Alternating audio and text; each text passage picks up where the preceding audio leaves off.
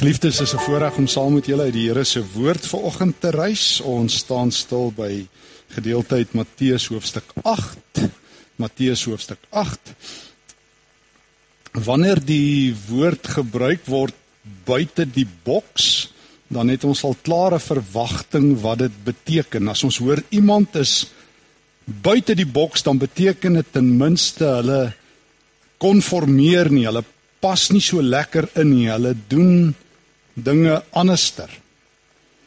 Wanneer ons die woord verrassing hoor, dan weet ons ook al goed in Afrikaans wat dit beteken. Dan beteken dit in dieselfde asem amper so iets soos buite die boks. Ons gaan nou as iemand ons verras, iets leer, iets agterkom wat wat ons nie verwag het nie. Dit gaan net gewoon anderster wees jy sal verras word as iemand buite die normale optree ensovoorts.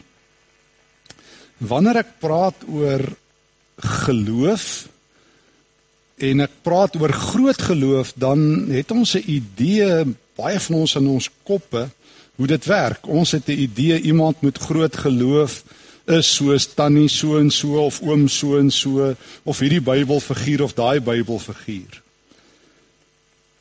En ons gaan gewoonlik dan nou nie groot geloof ook assosieer met iemand wat so ver as moontlik van Jesus af wil wegbly nie.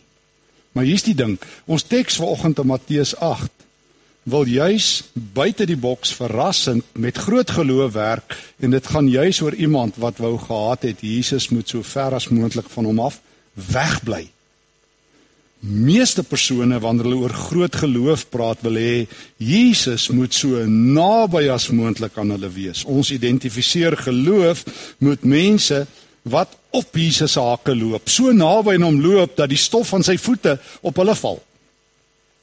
Ons verwag nie groot gelowiges is ouens wat juis wil hê Jesus moet ver van hulle af wegbly nie. En daarom hoop ek en glo ek dat die Here se woord vanoggend ons sal verras. Ons word so gewoond daaraan om God op sekere maniere te hoor, te sien, te verstaan dat hy ons nie meer kan verras nie. Kom ons lees hierdie aangrypende teks. Matteus hoofstuk 8 vanaf vers 5.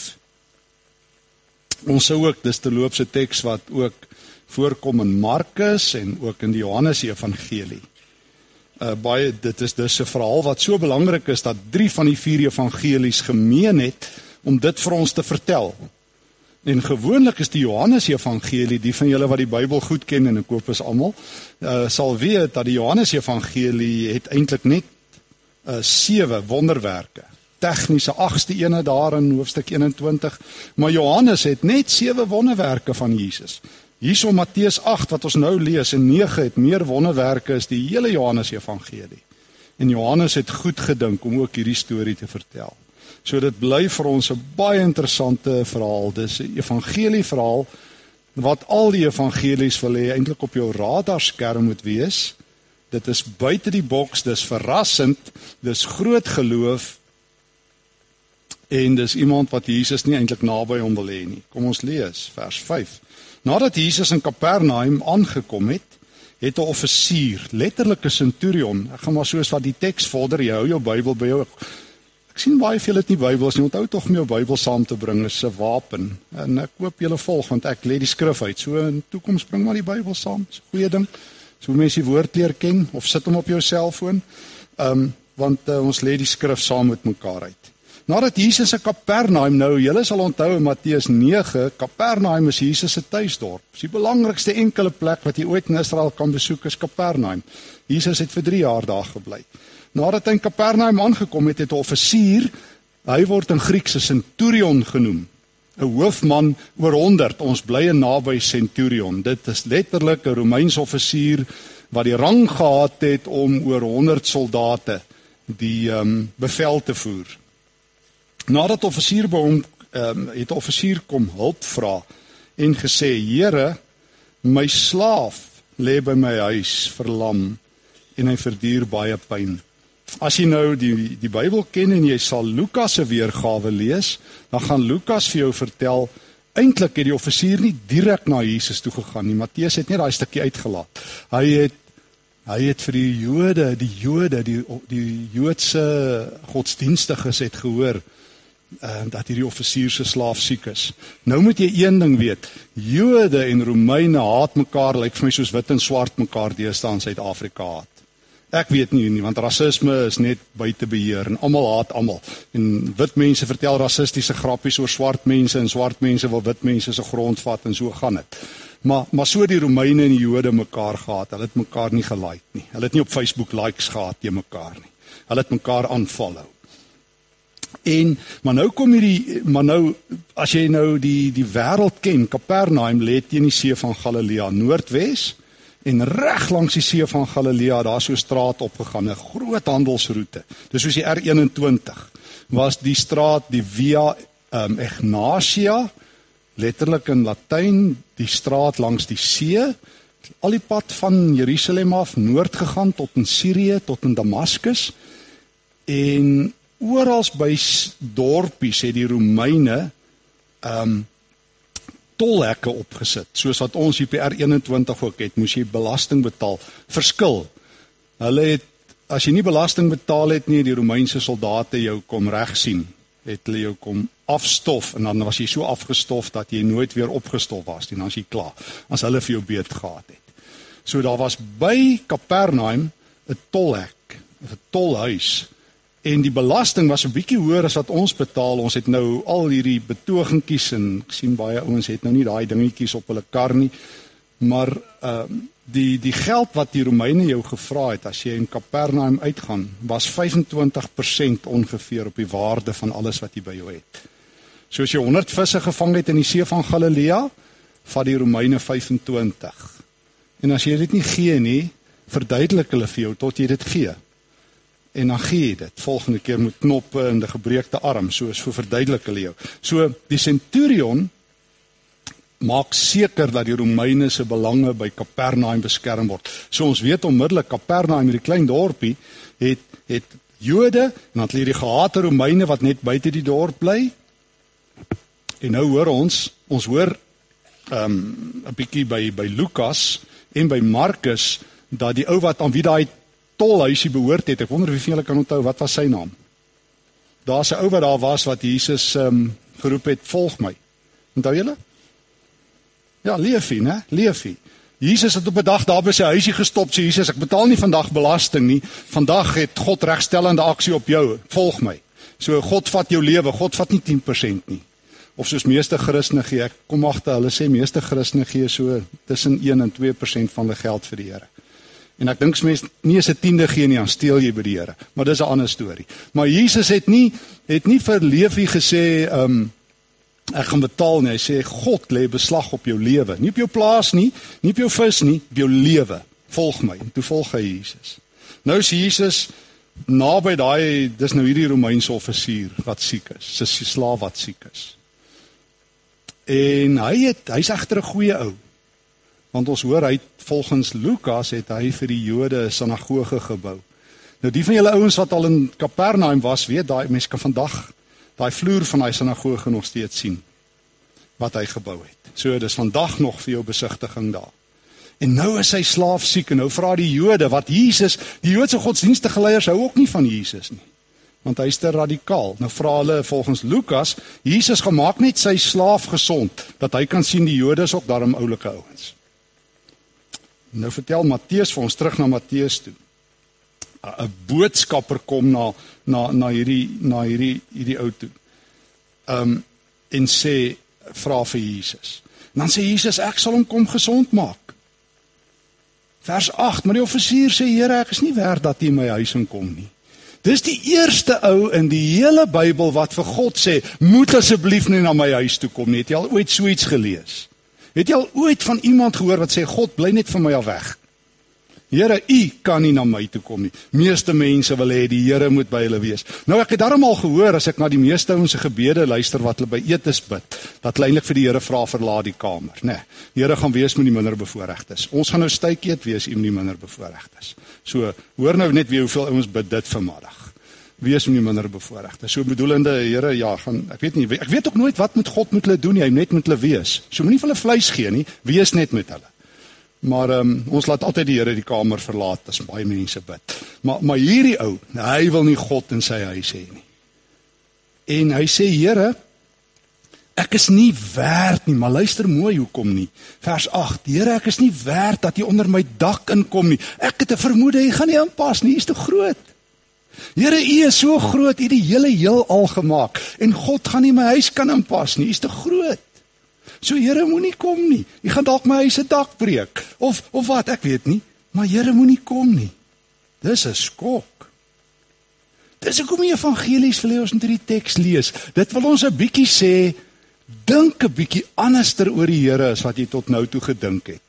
Hou bietjie op om jou stereotypes oor hoe geloof en groot en klein geloof werk op God af te druk, want God is anderster. Partykeer hoef God nie eens naby jou te wees by wyse van spreuke nie. O God is altyd naby. Maar sien net die prentjie. Here, U hoef nie Jesus, U hoef nie my huis in te kom nie. Here, U is eintlik te groot, U is te heilig om in 'n Romeinse offisier se huis te kom. Sê net 'n woord en my slaaf sal gesond word. Here, net 'n woord van U is genoeg. Sjoe. Ek is ook 'n mens wat onder gesag staan vers 9 en ek het soldate onder my. Vir een sê ek gaan daarheen en hy gaan en vir ander een kom en hy kom en vir my slaaf doen dit en hy doen dit. Ek weet hoe gesag werk. Here, ek weet ouens spring as ek as die offisier sy vingers klap. Die van ons wat in die weermag is of was, weet hoe werk ehm um, dissipline. Jy klap met jou vinger en daai ouens moet jou salueer en hulle moet spring. En dan En dan dink en dan is Jesus skoon gebou. Vers 10. Dis met die mooiste. Die Griekse woord wat daar gebruik word, hy is uit asem van verrassing amper. Hy kan dit nie glo nie, hy het tog nooit so iets gehoor nie. Want almal wil 'n stukkie van Jesus hê. Die een vrou wil aan sy soem raak, die ander mense druk teen hom, die ander ouens wil hom by hulle hê. Jesus moet vlug om van die mense af weg te kom, onthou julle. Meeste van die tyd hardloop Jesus as te ware vir sy lewe om van mense al weg te kom. Daar in Johannes 6 as hy die brood vermeerder, dan wil hulle hom koning maak sommer. Nee nee, hulle wil nie net hom hê nie, hulle wil sommer hom die broodkoning van Galilea maak, dan hoef hulle nooit weer brood te koop nie as jy die teks lees. Dis wat hulle wil doen. Hulle wil hom as die nuwe Moses kroon. En dan vlug Jesus. Ehm um, hy moet letterlik hardloop om van die mense al weg te kom. Markus vertel hoe Jesus onttrek van die mense. Almal soek 'n stukkie van Jesus. En die groot gelowiges lyk vir my die meeste van hom vandag ook. As jy hoor van 'n groot gelowige, dan het hulle baie van Jesus en hulle gebede word verhoor en die groot gelowiges, ons het sulke stereotypes. Maar hierdie ou is buite die boks, verrassend, anders. Hy sê, "Here, ek weet iets van U wat ander mense nie weet nie. U is so groot." Dat Here Ek hoef u nie in my boksie te hê nie. En dit beteken prakties hoef nie eers in my huis te kom nie. So Here, asseblief gaan aan met wat u doen. Moenie in my huis kom nie. Praat net en dis reg. En dan is Jesus dan sê hy die mooiste woorde ooit vers 10. Dit verseker ek julle. Nou vriende, elke keer wanneer Jesus hierdie woorde gebruik, net Jesus gebruik, dit is 'n baie vaste Griekse uitdrukking. En is net op Jesus se lippe. Ons weet van geen ander rabbi nie, ons weet van geen Joodse geleerde in daai tyd wat hierdie woorde gebruik het nie. En letterlik sê Jesus, as jy dit letterlik vertaal, amen. En partykeer sê dit dubbel, amen, amen. Ek sê vir julle, voorwaar, voorwaar, ek sê vir julle die ou vertaling het gehad. En ons het al vir mekaar gesê, die ouens wat die Bybel ken, dit is soos 'n nuusflits. Dis so CNN wat sê breaking news. Die oomblik as Jesus hierdie woorde gebruik, dan sê hy, stop, stop, stop. Stop. Sit af die sit af die klok. Sit af jou selfoon. Sit af jou gedagtes wat dwaal. Hier's 'n hier's 'n leer oomblik. Hier's God wil baie spesiaal met jou praat. God wil vir jou iets leer. Dan sê Jesus: Let op. Let op. Nog nooit, nog nooit het ek in Israel by iemand so groot geloof teengekom nie. En raai wat? Jesus het al 'n paar groot gelowiges deur die eeue gesien. Hy het gesien hoe Moses mense deur die Rooi See vat. Hy was daar as God. Hy was daar toe Abraham in Genesis 18 die God se arm as te ware afgebid het tot 10. Hy was daar toe Samson die pilare omgetrek het. Hy was daar toe Elia gebid het en dit nie gereën het nie. En hy was daar in 1 Konings 18 by die Baal profete toe Elia 450 profete uitgehaal het. Jesus het al groot geloof gesien. Hy sê in Israel tot op hierdie oomblik reg deur die geskiedenis het nog niemand sulke groot geloof gehad nie. Nog niemand het vir God gesê, Here, U is te groot om in my huis te kom. Praat net van 'n afstand af en is reg. Verstaan jy hoekom is hierdie storie in die Bybel? Verstaan jy hoekom jy dit volgende hoor en ek? Want Jesus sê ek het nie 'n gietvorm nie. Ek het nie die Engelse woord 'n mold waarin ek mense giet en dan moet almal aan hierdie vorm oplewe nie. Ek het nie 'n standaard idee van hoe lyk groot geloof nie. Ek het ook nie 'n plan oor hoe julle moet wees nie. Ek maak julle nie soos bliksoldaatjies en dan marseer julle Sondag na Sondag die kerk in en die kerk uit en lees julle Bybel en bid elke dag en dit gee julle krag nie, want dit gaan dalk nie. Maar julle moet God in julle eie lewe raakloop waar hy julle wil ontmoet. God kan agter um, agter die skottelgoed in 2 Konings 5 'n jong meisietjie gebruik om van 'n Aman van die Here na die Here toe te rig. God kan 'n centurion wat eintlik niks met godsdienste doen het nie gebruik om in een oomblik van 'n afstand af iets van God raak te sien wat die hemel en die aarde skuif. God kan in Matteus 15 net 'n paar hoofstukke verder 'n nitiese vrou gebruik wat ook buite die boks is. Wat voor Jesus neerval en sê Here, ek sal die krummels van die tafel af eet. Gaan net voort met die werk. Geen net vir my u krummels. En dan is Jesus weer 'n keer verwonderd. So die vraag wat na jou en my toe kom volgens wat wil hierdie teks met ons maak? Dit wil vra hoe buite die boks is jou geloof of hoe stereotiep is jou geloof? Glo jy maar op dieselfde roete aan? Is jou geloof so opwindend partykeer soos myne? Ek het dit al baie bely. Partykeer is my gebede so opwindend dat ek myself in die slaap bid. Ek bedoel ek weet nie wat die engele daarvan moet dink nie, maar ek kan dink as dit so vervelig gaan dat ek selfs in die erediens kan slaap, dat my gedagtes op 1000 plekke kan wees. Nou wil God sê, ek wil jou gebruik. Om slag so groot oor my te dink dat jy by wyse van spreuke vir my moet sê, Here, Here, gaan aan met waarmee u besig is. Here, u is so groot, u kan eintlik nie eens in my huis inpas nie. Maar praat net 'n woord, Here. Ek vertrou u vir hierdie deurbraak. Ek vertrou u daarvoor. Ek bid hiervoor, Here, maar sê net 'n woord en dit sal reg wees. Want ek wil ook graag so getuigskrif hê. So geloof het ek nog nooit gesien nie. En dis die onwaarskynlikste ou denkbaar as 'n Romein, een van die gehate Romeine wat net vir geld leef en vir hulle self leef, net agter hulle self aan hardloop. Hierdie ou breek hemel en aarde. En God het dit goed gedink dat hierdie storie so belangrik is dat dit in drie evangelies is. Sodat jy en ek dit nie net in stereo sal hoor nie, maar trippel sal hoor. Dat God graag verras wil word dat hy by 'n geleentheid iets wil hoor soos Here moenie eens nader aan my kom nie. Dis goed genoeg. Here, ek weet jy's besig. Here, maar ek vat U net op die woord daarvoor. En dan skuif die hemel en die aarde. Dit verseker ek julle.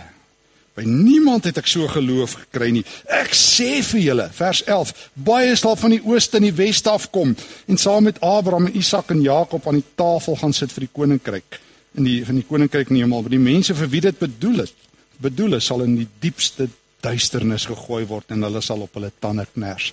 Julle godsdiens maak julle stok doof en siende blind vir God sê Jesus. Julle julle praat God taal, maar julle lewe wys niks.